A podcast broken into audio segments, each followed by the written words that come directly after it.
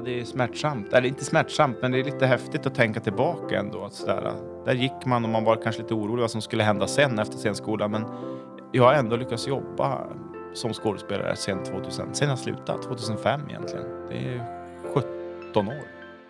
Mycket välkommen till Härnösandspodden där magasinet Jippi Härnösand vill berätta mer och längre om någon vi har skrivit om. En podd där vi kan låta folk prata till punkt, där vi får lära känna Härnösands doldisar och kändisar. I Härnösandspodden får ni läsa det som står mellan raderna i Jippi i en uppriktig och gemytlig och nyfiken form. I Härnösandspodden får du möta Jens Wieselblad Nilsson. Skådespelare, revydirektör, pressad kulturarbetare under pandemin. Nu våras det för frilansaren som är fri igen från publika restriktioner och vi vill veta hur hans resa fortsätter. Och varför ännu en Öviksbo valt Härnösand som hemmabas. Jag som samtalar med Jens heter Dag Jonsson. Äntligen vet vi att Gert Fylking brukar utbrista när det är dags för en nobelpristagare. Men det är väl ett ord som ändå kan passa som inledning till ett samtal med dig Jens. För det har varit en tuff tid va? Ja, det har varit ett, eh, jag, jag, väljer att säga inte tuff, ett intressant eh, år. Eh, intressant tid. Eh, det har ju varit pendlat upp och ner väldigt mycket för, med hopp och förtvivlan och sådär. Och man har, eh, man har verkligen lärt sig att bli anpassningsbar under de här eh, covid-tiden. Ja, covid, det fick du smaka på själv också ganska tidigt. Ja, det var ju ungefär ett år sedan som jag låg däckad i två dagar. Och det, ja, det tog hårt i två dagar, men det var inte, det var inte så... Det var ju som en förkylning, men jag, jag var så trött att jag inte orkade tugga maten. Då vet man att då är man, då är man halvdålig. Var du ovanligt tyst då? Ja, ovanligt tyst. Eh, och frun hade ju samtidigt, så det, var, det var kämpigt där hemma. Och så hade vi en liten knodd också, liksom, som precis var född eller något halvår sådär. Så det, var, det var lite kämpigt, men herregud, det finns de som haft det värre. Vi, vi tog oss igenom det på ett ja. okej sätt ändå. Så Du har tre barn? Ja, tre egna och så har jag två bonusbarn också. Så vi är en stor familj. Vi, vi får inte plats Och sen har du gjort bil. bomben har jag hört i simhallen. Ja, jag hör lite dåligt på ett Jag slog hål på trumhinnan. Ett, eh, ja, ett billigt sätt att få en piercing på, man, kanske man kan säga. Men jag, ja, jag gjorde bomben och så sprack trumhinnan igår i Östersund. Ja, men du hör så. mig i alla fall? Ja, ja absolut. Och är, jag hör och, och ser dig. Och är spelledig? Ja, det så är det. Vi, vi är på turné med eh, Estrad Norr i Östersund, då, eh, Jämtlands länsteater, med en föreställning där. Då. Men det är en föreställning som ni hade jobbat med och så vart det stopp? Ja, alltså den föreställningen kunde vi spela eh, med restriktioner, med begränsningar i publiken och avstånd till publiken. Eh, vilket är en jättemärklig situation för en ja, skådespelare att stå på scenen och så sitter publiken utspridda i en salong för 500 så sitter det 50 små huvuden utspridda och det är, ja, det är en jättekonstig känsla. Men vi fick åtminstone spela i, i höstas i alla fall. Eh, många av föreställningarna som jag skulle ha gjort eller eh, var kontrakterade för försvann ju eller eh, kunde inte genomföras helt enkelt för att det var inte ekonomiskt hållbart. Så det var publik utan publikkontakt? Ja, jättemärkligt. Märkligt är ju också att det faktiskt är det är väl närmare till midsommarafton än till nyårsafton 2021. Och ni kommer att ha mer eller mindre premiär på nyårsrevyn i påskhelgen. Ja, det blev ju så. Vi, det var ju så otroligt struligt eh, med nyårsrevyn det, det här året. Eh, Mittrevyn då, som den heter. Och eh, vi fick ju ställa in premiären för att vi hade sjukdomar i, i orkestern. Det gick inte att genomföra, så då sköt vi på premiären och fick spela en föreställning och sen så stängde vi ju ner samhället igen då. Och då gick det inte för oss, så då har vi flyttat, så nu blir det påskrevy istället, vilket blir jätteroligt. Eh, det känns lite, lite kul när, man, när den äntligen liksom har öppnat upp och eh, att vi får spela. För det, det är ju tradigt att eh, spela revy för lite folk. Ja. Det går liksom inte. Det bygger ju på publiken. Man gör det med publiken och det, så jag hoppas att det blir eh, tryck. Det, det, är många som hör av sig redan nu och, och liksom har bokat upp. Och, intresset är stort, så det känns ju hoppfullt. Jag vet inte, men för mig, jag läste kul, kul, strålande gul, men kul men börjar tänka på gul, gul, strålande gul blir det väl nu i påsk? Ja, exakt. Ja, vi får slänga in lite påskreferenser kanske.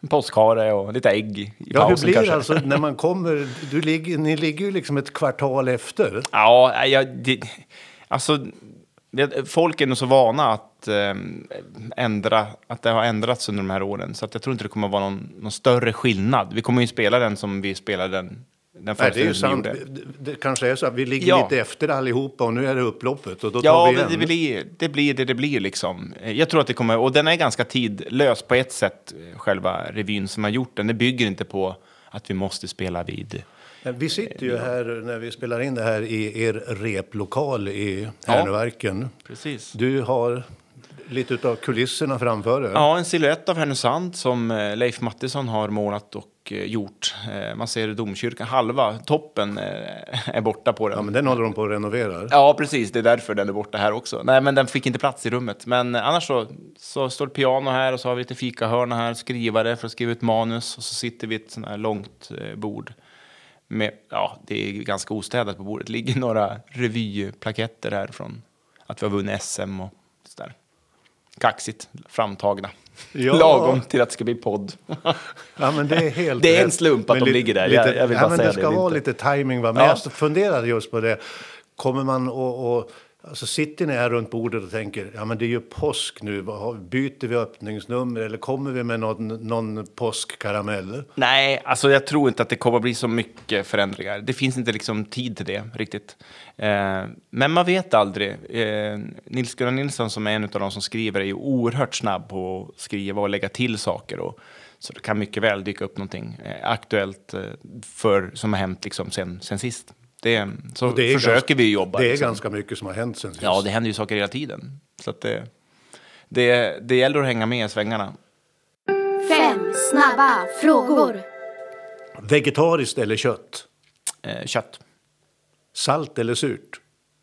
salt, Godis eller frukt? frukt, Gym eller löpning? löpning, Skogen eller staden?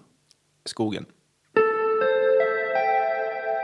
Ja, när ni tittar bakåt. eh, Du har dina medaljer där för SM. Ja. Va- Vad var, vad var det du Vad vann lustigt med att du kom förresten? in på dem. Ja, vad var det du, ja, men vad var det du vann med? Eh, ja, vi vann eh, för det första. Vi vann... Eh, 2019 så vann vi bästa sketch och bästa monolog på Revy-SM i Östersund. För det var ju sketchen Grevinnan och betjänten skriven av Leif Mattisson och Nils Gunnar Nilsson då, och jag framförde den tillsammans med Maria eh, Bystedt Svanholm. Och sen var det ju Hasses allservice som jag skrev och framförde också då, som vann bästa monolog. Eh, och nu senast så vann vi bästa lokala nummer som eh, Leif Mattisson och Nils Gunnar Nilsson skrivit. Andnöd, som handlar om änderna här i Härnösand, som var en het eh, debatt. Eh, de slutade matades, eh, slutade matas vid eh, Nattviken där och då hade vi gjort en eh, sång på det då. Jag är eh, fattig gräsand, lever i Härnösand. Ja, och så Ja, vidare. och Hasses allservice då? Ja, Hasses allservice. Hur ju- låter han då? Ja, du, eh, det är ingen fara, säger vi så. Hej! Han är ju en sån där, han är ju en, en eh, karaktär som har varit med ett tag nu. Eh, och han har ju massor med olika telefoner som ringer, han har olika näringsuppdrag kan man säga. Hasses kebab och fotvård. Ja, det är färskt kött varje dag. Var köttet kommer ifrån? Ja, du säger så här, jag ska rekommendera till tandvegetarisk. Ja, det är Ja. ett litet smart. Men jag tänkte på det här, så grevinnan och betjänten. Alltså, Ja. det, det där har man ju alltid fascinerats av skådisar som läser in såna enorma textdokument många gånger Mm. och memorerar. Alltså hur, hur bär ni er åt? Ja, den här frågan får man ganska ofta och det är ett ganska tråkigt svar på det. Eh, vi repar mycket. Eh, sen är det ju eh, så att man... Ehm, alltså jag lär mig oftast med rörelse, alltså scen, scenerier. Att gå på scenen, eh, kroppsminnet gör att man kommer ihåg mycket mer. Det brukar jag liksom ge som knep, att man sätter det. Om man säger “hör du” så pekar man på någon ljudtekniker som sitter där och flinar i, i, i höger, höger om mig här. Även till exempel så, så, mm, så kommer man ihåg via rörelsen att det det är det jag ska säga. Eh, men sen så får man ju, man får ju nöta ibland, men man gör det ju ganska ofta. Man har ju oftast mellan åtta till nio veckors reptid på en länsteater eller en stor teater. Revy så börjar vi ju repa i oktober, mer eller mindre. Eh, inte heltid, utan då är det kvällar och några helger och sådär. Fram till premiär på nyårsafton. Så att man, man har tid på sig, men det är klart att man måste ju sitta lite grann och försöka nöta in, men det går ganska. Jag har haft peppar peppar ganska lätt för det. Ja, nej, men jag livet. förstår ju det. Det är SM-medalj, eller vi har ju sett, eh, vi har haft ett OS här i vinter där Mm. man plockar hem OS-guld till länet. Så att det kanske blir någonting där på, på scenen i påsk. Ja. Även om det inte blir Härnösand. Nej, kanske, kanske. Vi, vi får Nils, se. Nils Gunnar kommer ju faktiskt från Ådalen. Ja, precis. Han är ju Ådalsbo. Han är ju Kramfors kommunsbo till och med. Så att, Men får alltså, väl hylla Sandra Näslund då. F- fundera ju på det här. Det skulle man väl också kanske kunna haft som en rubrik i, i huvudet på Jens V. Nilsson. Oj, stackare. Ja, men det händer för- väl rätt mycket där uppe va? Och, Ja. och fort går det ofta. Ja, ja. Vad roligt att du tänker så. Ja, men det kanske det gör. Jag upplevs det kanske så. Jag vet inte. Gör jag det? Upplevs jag så? Att det går fort? Ja, men du är väl lite snabb i repliken och i tajmingen och, Ja, jo, men jag har, och lite, jag har lite ganska... gummi. Ja, gummi, ja. Men jo, absolut. Jo, men det kan jag väl eh, kanske förlika mig med att jag är. Eh, ibland. Eh, så. Men eh, jag, jag, har, jag, jag har nog ganska högt tempo. Det sprutar tankar. Jag har oftast väldigt mycket idéer. Eh, de kommer på de mest olägliga eh, tillfällen sådär som jag må, måste ibland säga tyst, prata inte med mig, jag måste skriva ner det här. Jag, Ett, ett kreativt kaos. Ja, lite så är det ju. Eh, Men jag tycker om det. Jag tycker om att tänka utanför ramarna, tycker om att, att ta tanken så långt den går. N- när, när märkte du den här begåvningen då som skådespelare och, och för humor faktiskt? Ja, ehm, ja, när märkte jag? Ja, frågar man andra så tror jag att de märkte det ganska tidigt. Jag uppfattade det kanske lite senare. Det kanske var lite under gymnasiet, ska jag nog säga. Att eh, det, jag brukar, brukar referera till den gången när jag eh, hade en klasskompis som bokade in mig på ett stå-upp-gig utan att jag visste om det. Och berättade för mig på tisdagen att på fredag, du, då ska du köra stå upp i Mellansel utanför Övik på pizzerian där. Jaha, så jag, vad intressant. Och hur länge kör man då? Ja, det var upp till mig. Och jag sa att jag skulle köra i ungefär 45 minuter, en timme.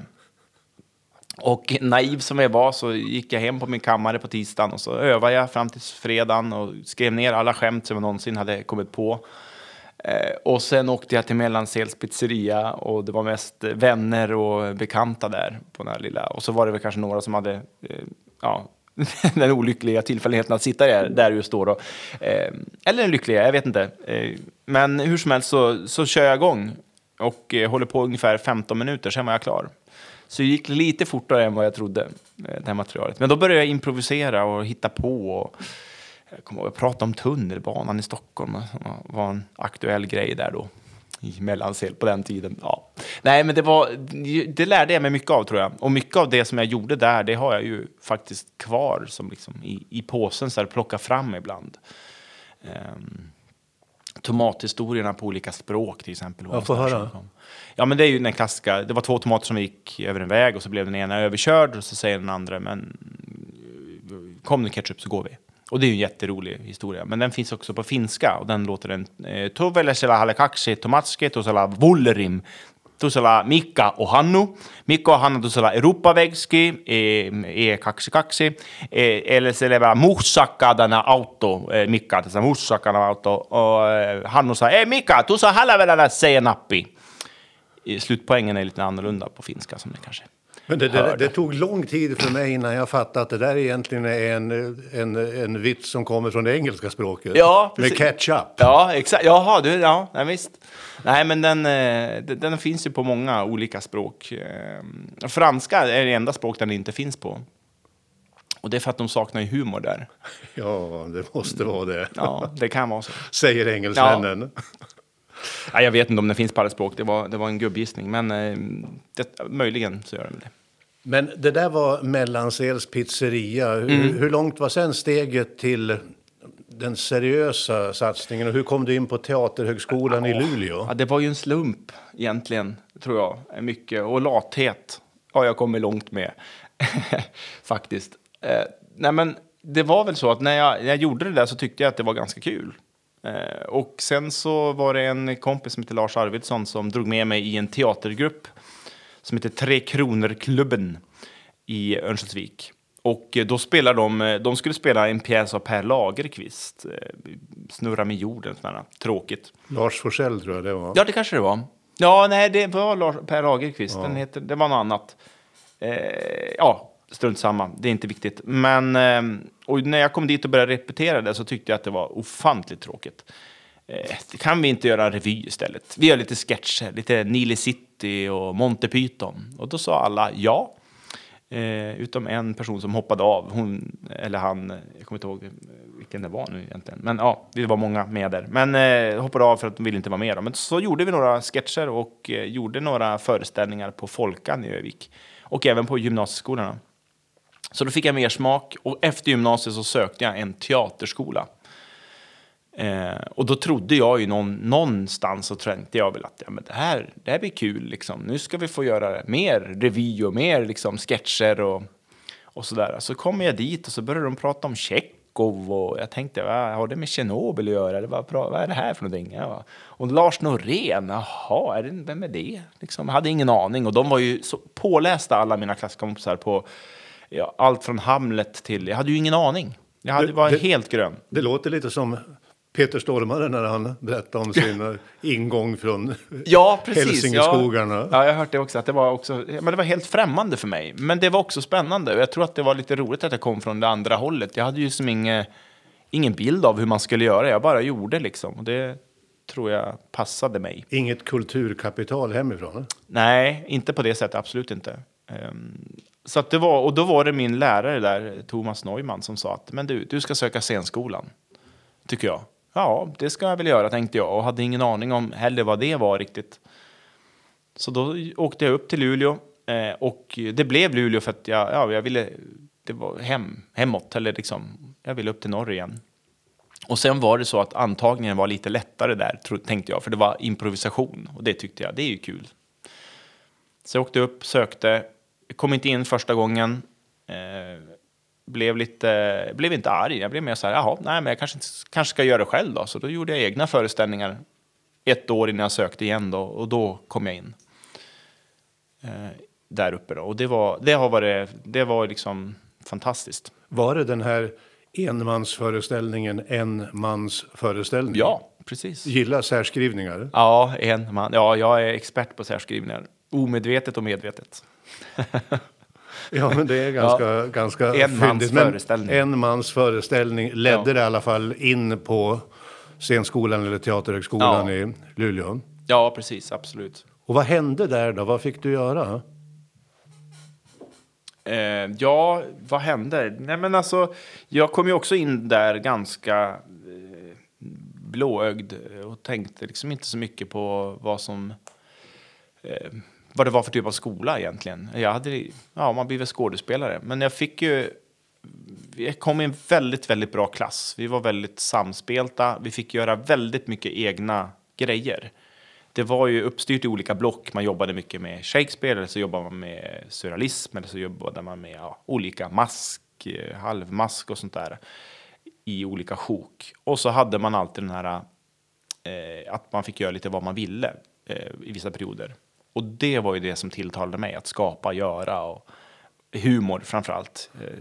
Ja, du sa ju att du är ute med en föreställning nu med en, mm. en rutinerad skådespelare och en ganska nykläckt. Ja, tjej. som båda faktiskt också har gått i Luleå, vilket är lite roligt. Men det gjorde också att du fick lite perspektiv på vad har hänt under de här 17 åren? Ja, ja det är smärtsamt. Eller inte smärtsamt, men det är lite häftigt att tänka tillbaka ändå. Att sådär, där gick man och man var kanske lite orolig vad som skulle hända sen efter scenskolan. Men jag har ändå lyckats jobba som skådespelare sen 2000, sen jag slutade, 2005 egentligen. Det är 17 år. Ja. Men med examen därifrån, liksom, är siktet inställt på Dramaten?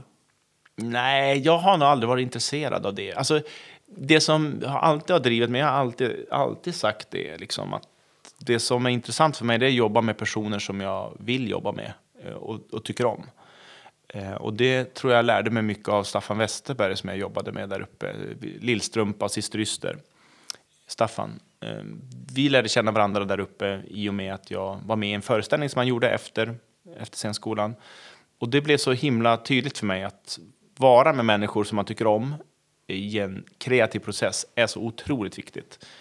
Eh, jag vill inte lägga energi på, Nej, på det- människor som inte liksom också brinner eller som inte vill samma sak eller som inte, eh, inte tycker det är lika roligt. För det, det tar så mycket energi när man ska göra det, det vi gör på scenen tror jag.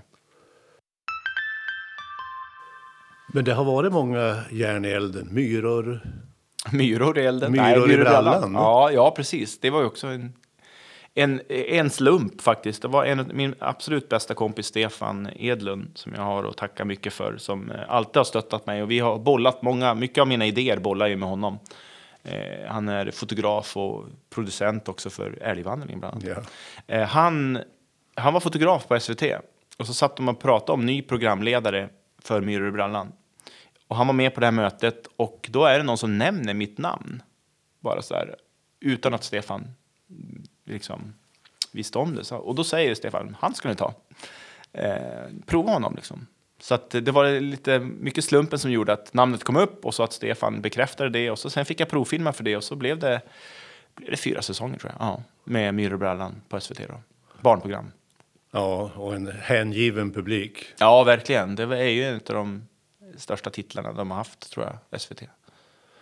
Men alltså det är väldigt variation. Du har gjort egna föreställningar. Mm. Du har medverkat i andra föreställningar. Du har varit fast anställd också på scenkonstbolaget eller på Teater Västerlånga. Ja, ja, ja, jag har alltid varit kontrakterad, Kontrakt- kontrakterad. alltså två, tre år. Så här. Jag Men alltså behöver fast. du den här variationen eller är det, det här verk, den verkliga arbetssituationen för en Ja.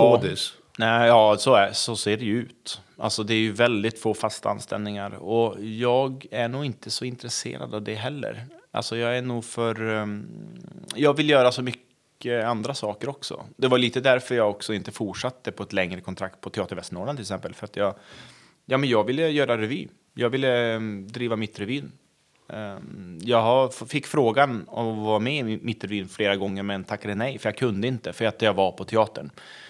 Och eh, som jag sa, det, jag vill göra saker som jag tycker är roligt och som ger mig energi och vara med människor som jag liksom, tycker om. Och då valde jag att inte fortsätta utan då frilansade jag. Och det har ju öppnat att säga vad man vill om pandemin. Det har ju också öppnat andra dörrar som radio eh, eller ja. Ja, vad hände med radion? Ja, alltså det var ju det var också en liten rolig. Det, var, det började med att jag fick ett samtal och skulle göra eh, några små satiriska inslag på fredagarna för eh, P4 Västernorrland. Med Tulla-Maja? Med Tulla-Maja och Erik. Och jag sa ja, men absolut. Och då drog jag till och sa jag gör tio avsnitt. Och då drog jag till och jag tänkte, ja, jag, jag, jag satt och skissade, jag kan göra fem och sen får jag värpa fem, fem efter det. Liksom. Det löser sig, tänker jag. Det gör det alltid. Ja, det gör det alltid. Ja, men jag, jag är sådär, jag har bokat teater och sagt att jag har premiär utan att jag har föreställningen klar. Liksom. Det är lite så, tidspress är bra. Men jag sa tio avsnitt och nu har jag hållit på sedan 2015. Det är nästan, ja, nästan sex, sju år tror jag. Eh, på fredagarna i stort sett. Så du, du värper fortfarande? Jag värper fortfarande med hjälp av, ja, Nils-Gunnar Nilsson i revyn hjälper till ibland såklart och bollar och skriver ibland och så har jag ju Stefan, min kompis som också eh, som en stor del av att jag kan fortsätta också. Ja, man behöver ett bollplank, man behöver folk som, med input liksom. Men att, att ni hamnade i Härnösand med familjen, Mm. vad vad- vad handlade det om? Ja, det var kärleken. Det är så enkelt egentligen. Och sen, eh, alltså vi... vi Där träff- hittade du det bästa bollplanket. Ja, exakt. Jag var ett jättebra bollplank. Eh, alltså, eh, frun och jag vi träffades på nätet och hon bodde då i Timrå och jag bodde i Övik. Och vi eh, tänkte väl kanske lite naivt att ja, men vi, vi fortsätter så här. Hon hade barn där nere, jag hade barn där uppe. Men eh, det gick liksom inte. Vi ville vara med varandra. Och då, eh, då var Härnösand det bästa alternativet. Och jag ska säga, jag var ganska skeptisk till Härnösand som stad. Det är man om man kommer från Övik. Eh, så är det. Det går någon gräns där vid Ja, Norda, det är liksom, ja, Nordaskogs. den där lilla hålan. Eller liksom, eh, och det är ett jädra tjat på dåligt kranvatten här. Det har det alltid varit. Eh, det får man alltid höra. Eh, så här, och det fick jag höra när jag flyttade hit också. Ska du flytta dit som har så dåligt kranvatten? Eh, men så flyttade jag hit och så inser jag att kranvattnet är ju faktiskt minst lika gott som Övik. Minst lika gott. Eh, och sen så Eh, Ja, jag älskar ju Höga Kusten. Jag är från Köpmanholmen utanför Övik. Ehm, och jag, eh, men naturen här är ju också... Det är inte Höga Kusten, men det är fasen fint alltså. Porten till Höga Kusten. Ja, porten. Det, ja, men det är fint och jag trivs jättebra. Och kulturmässigt så är det här en eh, bättre stad. Alltså det finns ett intresse, det finns eh, driv, det finns fantastiska personer nära. Sara Parkman som kommer härifrån, eh, Patrik Grundström, eh, Lasse T som bor här som är en stor förebild. Eh, Det finns så många personer här, liksom eh, Forsell som målar. Det finns så mycket bra kultur. Norrdans, ja, jag Ja, kan inte räkna upp allt. Men ja, Kappelsberg, du har Operalinjen och ja, det, det är en stad som andas mer kultur än, än Övik. Och det är lite lättare. Eh, Även om det fortfarande, liksom, men det är generellt med kulturen så är det ju svårt att eh, kanske nå ut. Fem snabba frågor. Kranvatten eller vatten på flaska? Kranvatten såklart. Böcker eller pjäser? Böcker. Netflix eller biograffilm? oh, den var svår. Mm, jag säger nog Netflix. Härnösandspodden eller P4 Västernorrland? Båda. Måste jag välja? Ja. Nej, men då säger jag... jag har podden då. Fan.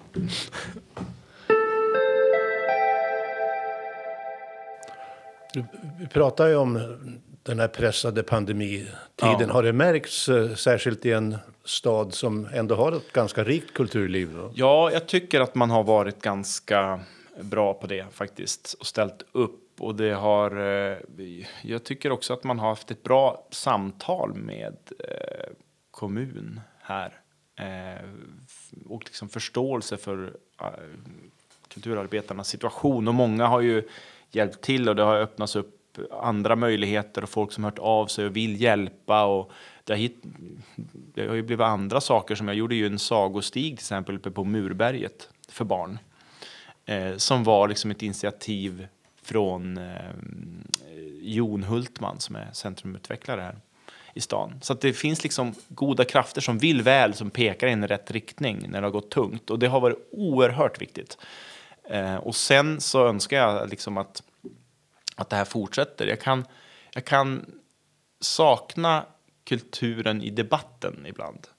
Eh, generellt. Men det liksom gäller ju på riksnivå. Det gäller ju på alla nivåer egentligen. Att man är dålig på att prata om kulturens eh, positiva effekter. Man, man tittar oftast, man pratar mycket om, när man pratar om batterifabriken så pratar man om, ja men det kommer att bli jobb, det kommer att bli skola och det är fantastiskt. Men vad ska människorna göra då? Eh, Nej, men jag känner, det, där, det där måste jag säga att jag känner igen för att rent generellt så, så har vi nästan ingen, inga kulturpolitiker i Nej, Sverige. eh, det är lite så. Och generellt så är, ehm, är man kanske lite okunnig inom, inom det och kanske förstå att kulturlivet är komplext. Eh, det blev, väcktes ju nu också under pandemin med Lisa Nilssons virala klipp här där hon tog strid för kulturen. Och det är ju precis som hon säger att eh, en del är företagare, en del är föreningar, en del är liksom, vi behöver olika stöd. Ehm, och jag har klarat mig bra för att jag har haft bra kontakter och jag har liksom s- slagits för min sak och jag har haft, det har varit goda krafter som har velat mig väl. Eh, alla har inte det.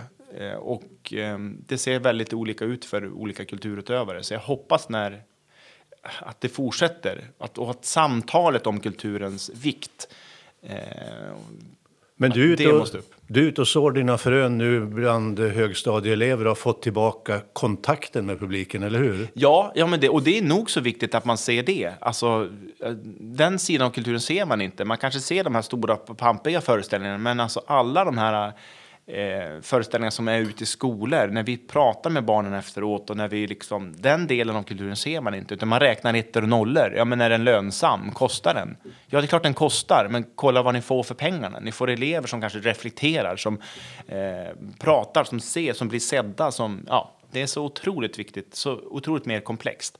Och ja, det blir lite politiskt här, men det, det tror jag är bra. Det är snart val, så att, Ja, och sen eh, har du ju fått tillbaka kontakten med publiken. Ja.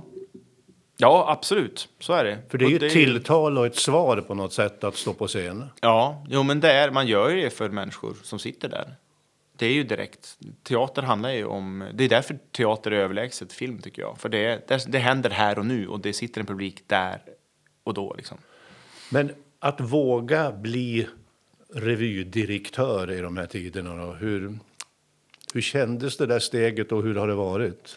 Ja, alltså det, det kändes självklart att ta steget. Och det var ju lite innan pandemin som jag tog över revyn. Eh, och jag hade inte gjort det om jag inte hade Lars T Johansson eller Nils-Gunnar Nilsson och Leif Mattisson, de gamla revyägarna i ryggen som har stöttat mig och peppat och finns fortfarande kvar där som bollplank och de är också med i revyn. Eh, jag hade aldrig tagit över om inte jag känt deras stöd. Eh, det var alltså, ja, det är ju lite, det var ju så det började lite grann. Det började med revy i högstadiet jag är tillbaka på den banan. Jag älskar den formen. Jag tycker den är oerhört rolig och det kan vara så mycket. Revy är så brett.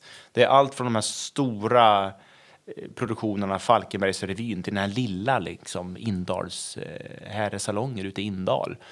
Och så har du stått på samma scen som Sven Wollter, som Vildhussen. Ja, ja, precis. precis. Ja, det, ja, eh, du tänker på Döda fallet? Ja, ja det, det var också en e- egen upplevelse i sig. Otrolig. eh, Det var en fantastisk föreställning för att vara med i Vildhussen uppe i Döda fallet. Det var det. Men vad ska man säga då att eh, det ska fan vara teaterdirektör? En, en känd dialograd från, Ja. jag tror 1850, August Blanche skriver om ett resande teatersällskap. Ja, just det. Så det är ju en, en line som har onekligen Mm, levt ja, den, kvar. Den finns kvar. Har det Eh, känts så? Nej, både och. Både och. Alltså jag, jag är väl uppväxt med att försöka se möjligheterna. Eh, och jag tänker att så fort det blir en motgång så finns det något, då ska man ta en annan väg bara. Och sen kanske den vägen längre, men det är fortfarande en väg. Och så har jag förstått omgiven av, får man säga, goda, kreativa, stöttande Ja. kamrater. Ja, alltså Mittrevyn hade nog inte funnits kvar om inte vi hade haft de den revyensemble som vi haft, som har ställt upp på de här villkoren, som har eh, stöttat, hjälpt, eh, varit, eh, ja, alltså, ja, repat på, på det här sättet som vi har gjort, på varsitt håll och sen satt ihop det. Och, eh, Så att är man omgiven av bra personer, jag tänker att det, det är fortfarande, man kommer tillbaka till det hela tiden, då, då är det ju som sagt, då är det lättare och det är ju helt klart värt det också. Men det är klart att det sliter, det är stressande, det är många sömnlösa nätter på hur ska det gå och så där, men jag försöker att inte oroa mig utan saker och ting löser sig. Och så väntar du dig inte bara ett fullt gäng på scenen utan fullsatta salonger. Ja, alltså påskrevy, det kanske blir den nya grejen. Nej, det, det, det ska jag låta vara osagt kanske, men, men jag hoppas att det, det blir full, full salong. Men är, är Hasses allservice med? Hasse är med. Vad säger han nu då till påsk? Ja, hör du till påsk? Ja, du tar med några ägg och så lite fjädrar ska du se att det blir bra. Ingen fara, säger vi så. Hej. Ja, Kanske Jens. något sånt, jag vet inte. Nej, men vi sitter ju i replokalen så den, Ja. är, är, bara en sista avslutande fundering. Har du börjat tänka på nyårsrevyn med premiär nyårsafton 2022? Ja, det har jag gjort. Men först blir det sommarrevy i eh, parken bakom Sankt Peterlogen. Andra året. Eh, det ser jag mycket fram emot och där har vi i princip skrivit nästan allt redan. Så det ser jag fram emot. Först påsk, sen sommarrevy och sen blir det nyårsrevy igen. Ja, det ska fan vara teaterdirektör. Det går bra för revydirektören, hoppas vi, under 2022 Ja, med full tummarna. publikkontakt. Ja, vi håller tummarna för det. Tack ska du ha. Tack!